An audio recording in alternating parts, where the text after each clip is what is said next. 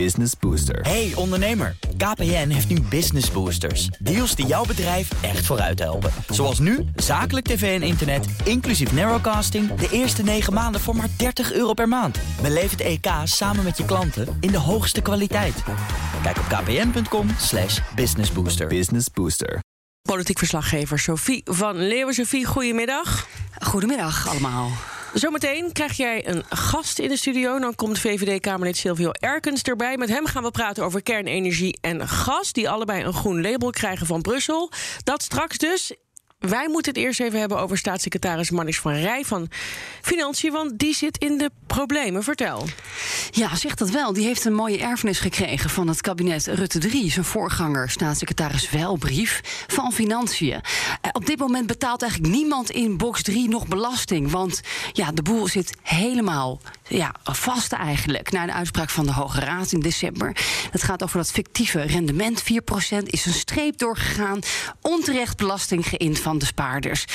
Staatssecretaris Van Rij zit hier zijn eerste Kamerdebat als, uh, ja, als CDA-man op financiën. En hij moet het gaan regelen. Um, het, het, gaat heel moeilijk worden, Roos. Dit kan een miljardenstrop worden voor de regering, voor de -hmm. Nederlandse staat. Ja. ja. voor ons eigenlijk, alle belastingbetalers. En ja. hoe gaat hij dit oplossen, is de grote vraag. Ze zijn net begonnen. Niemand die het weet hoe we dit gaan oplossen op dit nee, moment. Precies, want ja, al die spaarders moeten dus betaald worden. En tegelijkertijd kunnen op de spaarders die nu sparen... die belasting niet geheven worden. Want anders we natuurlijk van de regen in het drup. Wat natuurlijk ook weer miljarden gaat kosten. Ja. Um, maar, maar even over die spaarders die nog geld terugkrijgen. Um, Hè, die, die, die te veel betaald hebben in box 3. K kunnen ja. die daar dan nu even naar fluiten? Hoe, hoe zit dat? Wordt het op de lange baan geschoven? Dat, dat is die groep van 60.000 bezwaarmakers. Ja, en ja. misschien nog wel veel meer natuurlijk uiteindelijk. Maar die groep, ja, voorlopig krijgen die helemaal niks terug. Want box 3 is dus stuk. Uh, er wordt ook niks betaald. Dus nou, dat is dan weer een meevaller. En ja, politiek uh, zie je nu in de Kamer ligt dit echt zo ontzettend gevoelig. Het is echt een symbooldossier. Want de vraag is, ook bij de oppositie, gaat Rutte 4 nu al dat geld overmaken naar burgers die al spaargeld hebben in box 3. Terwijl in een andere zaal in deze Kamer de toeslagenouders wachten op geld. Groningen wachten op geld. Ja, dat valt echt heel erg slecht. Um, ik sprak daarover even van tevoren. Henk Nijboer van de PvdA. En die zegt: de rijken die moeten dit probleem zelf oplossen. Betalen dus maar zelf. Loopt helemaal vast uh, met box 3. Hè. De Hoge Raad uitspraak uh, zet alles op losse schroeven. En het kabinet schiet al meer dan tien jaar helemaal niet op om de vermogensbelasting te moderniseren. Dus wij doen een voorstel samen met SP, GroenLinks en Volt. Progressieve belasting, 1% voor de laagste vermogens, een forse vrijstelling en 5% boven de 5 miljoen. Heeft Van Rij daarmee zijn probleem opgelost? Want hij zit met een uh, knoop in zijn maag. Nou ja, hiermee los je natuurlijk niet het probleem van de compensatie op. De uitspraak van de Hoge Raad moet worden gevolgd. Maar wat je hier wel mee oplost is een eenvoudige, uitvoerbaar uh, voorstel dat eerlijk is. Hoe zit het dan met het fictieve rendement? Ja, ons voorstel is dus een alternatief. Wij kijken gewoon naar het vermogen dat uh, mensen hebben. Het eigen huis stelt daarbij uh, niet uh, mee. Pensioen natuurlijk ook niet. Dus een progressief tarief. En dan ben je van het hele gedoe met die fictieve rendementen af. Want dat is één grote mislukking geworden. Voorstel van PvdA, GroenLinks, Volt en de SP uh, in de Kamer. Alle vermogenden gewoon belasten 1 tot 5 procent, zeggen zij. Nou, ja. ik hoor, Roos, dat dit voorstel het niet gaat halen. Want de coalitie gaat het gewoon tegenhouden. D66 zegt, we moeten wel iets doen met die vermogende mensen. CDA gaat er een beetje in mee. ChristenUnie. Maar vandaag ja, zit het er niet in. De nee. VVD houdt het ook tegen. En uh, ja, in het regeerakkoord staat... we moeten een reëel rendement heffen in 2025. Ja. De vraag is, hoe gaan ze dat doen? Want de Belastingdienst kan het gewoon niet uitvoeren. Ja, ik wil net zeggen, als, als die partijen het al niet willen... de Belastingdienst staat vooraan. Die, ze kunnen de jubelton al niet afschaffen... omdat dat ze ingewikkeld is. eens uh, belasting, BTW op groente en fruit Precies, heffen. ja. Dus, um, en misschien moeten we gewoon de Belastingdienst... helemaal van de grond op opnieuw opbouwen of iets dergelijks. Ik heb nog niet het gouden ei de oplossing gehoord in de Kamer. En nee, dit is, dit is echt een heel ingewikkeld dossier voor Marnix van Rij. En vooral dus ook even los van het feit dat er, zoals hij zei, die tienduizenden mensen zijn die in de rij staan om hun geld nog terug te krijgen. Kun je dus ook nu niet met, goed gedrag uh, alle andere vermogende spaarders uh, gaan belasten. Dus het, het, het, het, het hoopt zich op. Maar ja, plus, tijd dringt. Plus, volgens mij gaat die uitspraak van de Hoge Raad over 2017 en 18. Maar de regering moet dus ook een oplossing bieden voor 2021 en verder. Dus Precies. succes. Voor, de, voor de toekomst. En wat je van Rij hoort zeggen, eh, de CDA-staatssecretaris, is uiteindelijk gaat hij een oplossing zoeken, wel in box 3. Dus uh, bij de vermogenden zelf. Dus die vermogenden moeten toch goed gaan opletten de komende tijd. Er komt een noodwet, er wordt de komende maanden aan gewerkt. En ja, ik verwacht dat dat dan misschien toch nog een beetje pijn gaat doen voor de mensen met geld. Als de fictie zo ver uiteen gaat lopen van de werkelijkheid, als een belegger dit rendement maakt, dan gaat er iets fout. En dat heeft de Hoge Raad nu ook gezegd. Gaat u dit van betalen? D66 heeft het over vermogensbelasting uh, opkrikken. VVD is het daar niet mee eens. Politiek gedoe. Ja, u zegt nu heel veel dingen tegelijk die mij nog niet uh, zo zijn uh, geworden. Maar u heeft natuurlijk terecht de vraag. er gaat een rekening komen voor het verleden.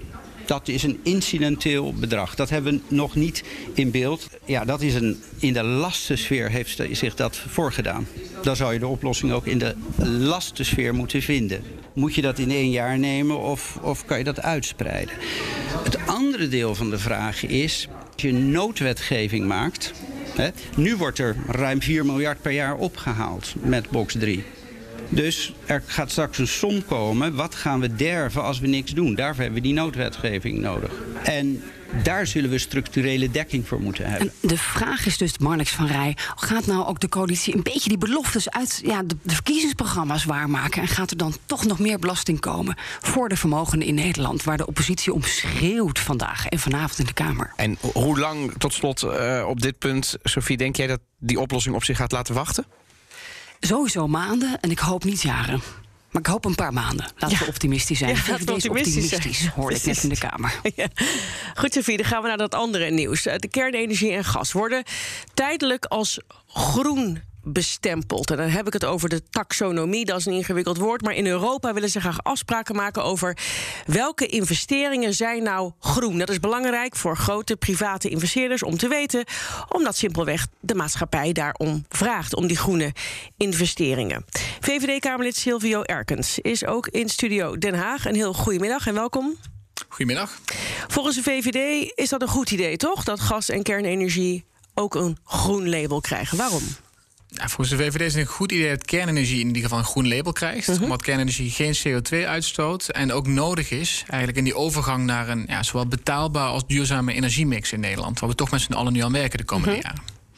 Ja, dus u zegt kernenergie, maar daarmee heeft u ook voorgestemd, of althans in Europa, voor gas. Dat ging hand in hand? Ja, dus Europa heeft het gekoppeld aan elkaar. ehm, omdat er op Europees niveau een deal is gesloten wat dat betreft. Tussen Mhm. landen die eigenlijk een, ja, een andere route voorstaan wat dat betreft. Dus je hebt Frankrijk, eh, Scandinavische landen, Oost-Europa en ook Nederland in dit geval die kernenergie erin wilden hebben. Mhm. En dan Duitsland en een aantal andere landen zagen ook heel graag gas erin in plaats van kernenergie. Omdat zij een andere route voor zich zien om naar die duurzame energiemarkt toe te gaan. Ja, dus dit is een soort van Europees compromis. Ja, er, er kwam ook heel veel kritiek op. En nu is het, ja, zoals het Europa betaamt, inderdaad ook weer een compromis geworden. En worden die investeringen tijdelijk groen hè, van kernenergie en gas? Er zit een, een eindige datum op van gas iets eerder, 2035, en dan tien jaar later ook voor kernenergie. Bent u daar tevreden mee? Ja, kijk, het, uiteindelijk is het 23 jaar dat we hebben om kerncentrales te bouwen. Volgens mij de einddatum 2045 gaat over de aanvraag van de bouwvergunning. Dus alles wat we hiervoor beginnen, telt daarna ook nog mee als duurzame investering. Dus volgens Ja. mij kunnen we hier de komende jaren goed mee aan de slag. Ja, nu is dit dus gemaakt zodat private investeerders weten waar ze in investeren. En dat kunnen ze dan weer verantwoorden aan, aan hun achterban. Bijvoorbeeld pensioenfondsen of eh, BlackRock bijvoorbeeld. Hè, dat is een grote vermogensbeheerder. Maar laat, laat ik nu even BlackRock nemen. Die heeft een, eh, een brief op poten gestuurd naar Europa... en gezegd, wij zijn hier helemaal niet blij mee. We kunnen dit helemaal niet verkopen. Ja, dan heeft het toch ook geen zin, die hele taxonomie, zou je zeggen. Nou, met name omdat dat gas en kernenergie wat dat betreft gewoon eh, toch wel tot ja, emoties kunnen leiden. Eh, bepaalde meningen. Wij zijn ook van mening dat het gas volledig duurzaam noemen best wel vreemd is. Maar daar heeft Duitsland echt op geduwd. Ehm, omdat er natuurlijk wel CO2 bij vrijkomt. Dus die investeerders zeggen inderdaad ook van ja, wat betekent die taxonomie nog? Als er ook bronnen in zijn die niet duurzaam zijn. Dus wat Ja. Europa nu heeft voorgesteld is om kernenergie en gas als een soort van ja, bijna appendix of losse categorie Ja. te maken die niet volledig duurzaam is, maar die echt neergezet worden als ja, technieken die bijdragen aan die, Ja. ja. die, die rit wat te hebben naar een betaalbare en duurzame eh, energiemix. Ik snap het, maar dat is natuurlijk een politieke oplossing. Terwijl private investeerders, ja, die, die, die, die hebben te maken met de harde realiteit. Die leven niet in, in compromissen. Nee, dat klopt. Maar tegelijkertijd uh, wordt hiermee wel gewoon duidelijk gemaakt dat wanneer bijvoorbeeld een BlackRock investeert, dan staat er nu dus ook bij hoeveel van het geld geïnvesteerd zou zijn in kern of in gas. Dus ze kunnen het wel transparant maken. En ze kunnen er ook voor kiezen om daar dus niet in te investeren. Ja, dan, dan even over die tijdelijkheid. Hè? Want de Europese mhm. Commissie doet eigenlijk iets van een compromis om eigenlijk alle lidstaten tevreden te houden. Ligt er nu, nou ja, toch een soort poldercompromis. Um, maar het is tijdelijk. Um, en wat is eigenlijk tijdelijk groen? Is dat totdat er weer een nieuw, mm, laten we zeggen, akkoord ligt? Of gaan we ervan uit dat het tijdelijk is totdat we uiteindelijk CO2-neutraal zijn in Europa? Nou, die tijdelijkheid zit dus in die jaartallen wat net genoemd werden. Dus je kunt een investering aanvragen voor een gascentrale tot 2035. Eh, de bouwvergunning. En dat telt alleen als duurzaam onder een hele trits aan strenge voorwaarden. Dus het moet de meest moderne gascentrale zijn. Ehm, je moet de CO2 kunnen afvangen en kunnen opslaan. En het moet bijvoorbeeld een kolencentrale vervangen, waardoor je dus wel minder CO2 uitstuurt. Dus er zit wel een hele rij aan voorwaarden aan vast. En het is echt niet dat nu gewoon zomaar overal gascentrales gebouwd gaan worden en kerncentrales. Ja. Dus er is een politiek compromis gesloten, maar het is echt niet dat het nu heel makkelijk is om. Uh, ja, door te gaan met technieken waar mensen toch meer twijfels over hebben. Ja, in, in, in Nederland willen we dus graag investeren in kernenergie, of althans dat onderzoeken, als ik het regeerakkoord mag geloven. Bent u er nou van overtuigd dat u voldoende ook private investeerders daarvoor vindt? Want het heeft sowieso, weten we, overheidssubsidie nodig. Want het is gewoon te duur om het alleen op de markt te laten doen. Hè? Maar heeft u nu voldoende vertrouwen erin dat met deze taxonomie u die, dat andere geld ook binnenkrijgt? Ja, we gaan sowieso de komende drie jaar meer doen dan onderzoeken. We willen ook echt een begin maken met de bouw. Dat gaat natuurlijk niet af zijn in de komende jaar. Dat duurt ook ongeveer circa ja, tien jaar ongeveer voordat het echt mhm. gebouwd is. Uh, maar de taxonomie helpt mee. En we hadden graag gezien dat kernenergie als volledig duurzaam gekenmerkt was. Maar dit helpt wel mee. Want je kunt hier dus wel makkelijker private investeerders overtuigen om ook mee te doen. Vooral als de overheid zelf ook bijvoorbeeld ja, met die 5 miljard wat ervoor uitgetrokken aan de slag gaat. Ja, maar dus ook, um, ik vraag dat natuurlijk omdat nogmaals zo'n BlackRock zegt... ja, ik weet niet of ik wel wil investeren in kernenergie überhaupt. Dan kun je het wel half groen noemen, maar ik, uh, ik weet het niet. Maar u bent er alsnog van overtuigd dat u voldoende private investeerders vindt... die er wel in meegaan? Ja, zeker. En wat dat betreft, BlackRock is één partij, een hele grote partij. Uh, maar er zijn volgens mij nog heel veel investeerders. En die hebben allemaal verschillende opvattingen over wat zij zien als duurzaam uh, en waar ze wel of niet in willen investeren. Ja. Dus ik heb er wel vertrouwen in dat dit meehelpt. Dank Silvio Erkens, Kamerlid namens de VVD. En ook dank politiek verslaggever Sophie van Leeuwen... die tegenover hem zit in de studio Den Haag. Business Booster. Hey ondernemer, KPN heeft nu Business Boosters. Deals die jouw bedrijf echt vooruit helpen. Zoals nu, zakelijk tv en internet, inclusief narrowcasting... de eerste 9 maanden voor maar 30 euro per maand. Beleef het EK samen met je klanten in de hoogste kwaliteit. Kijk op kpn.com businessbooster. Business Booster.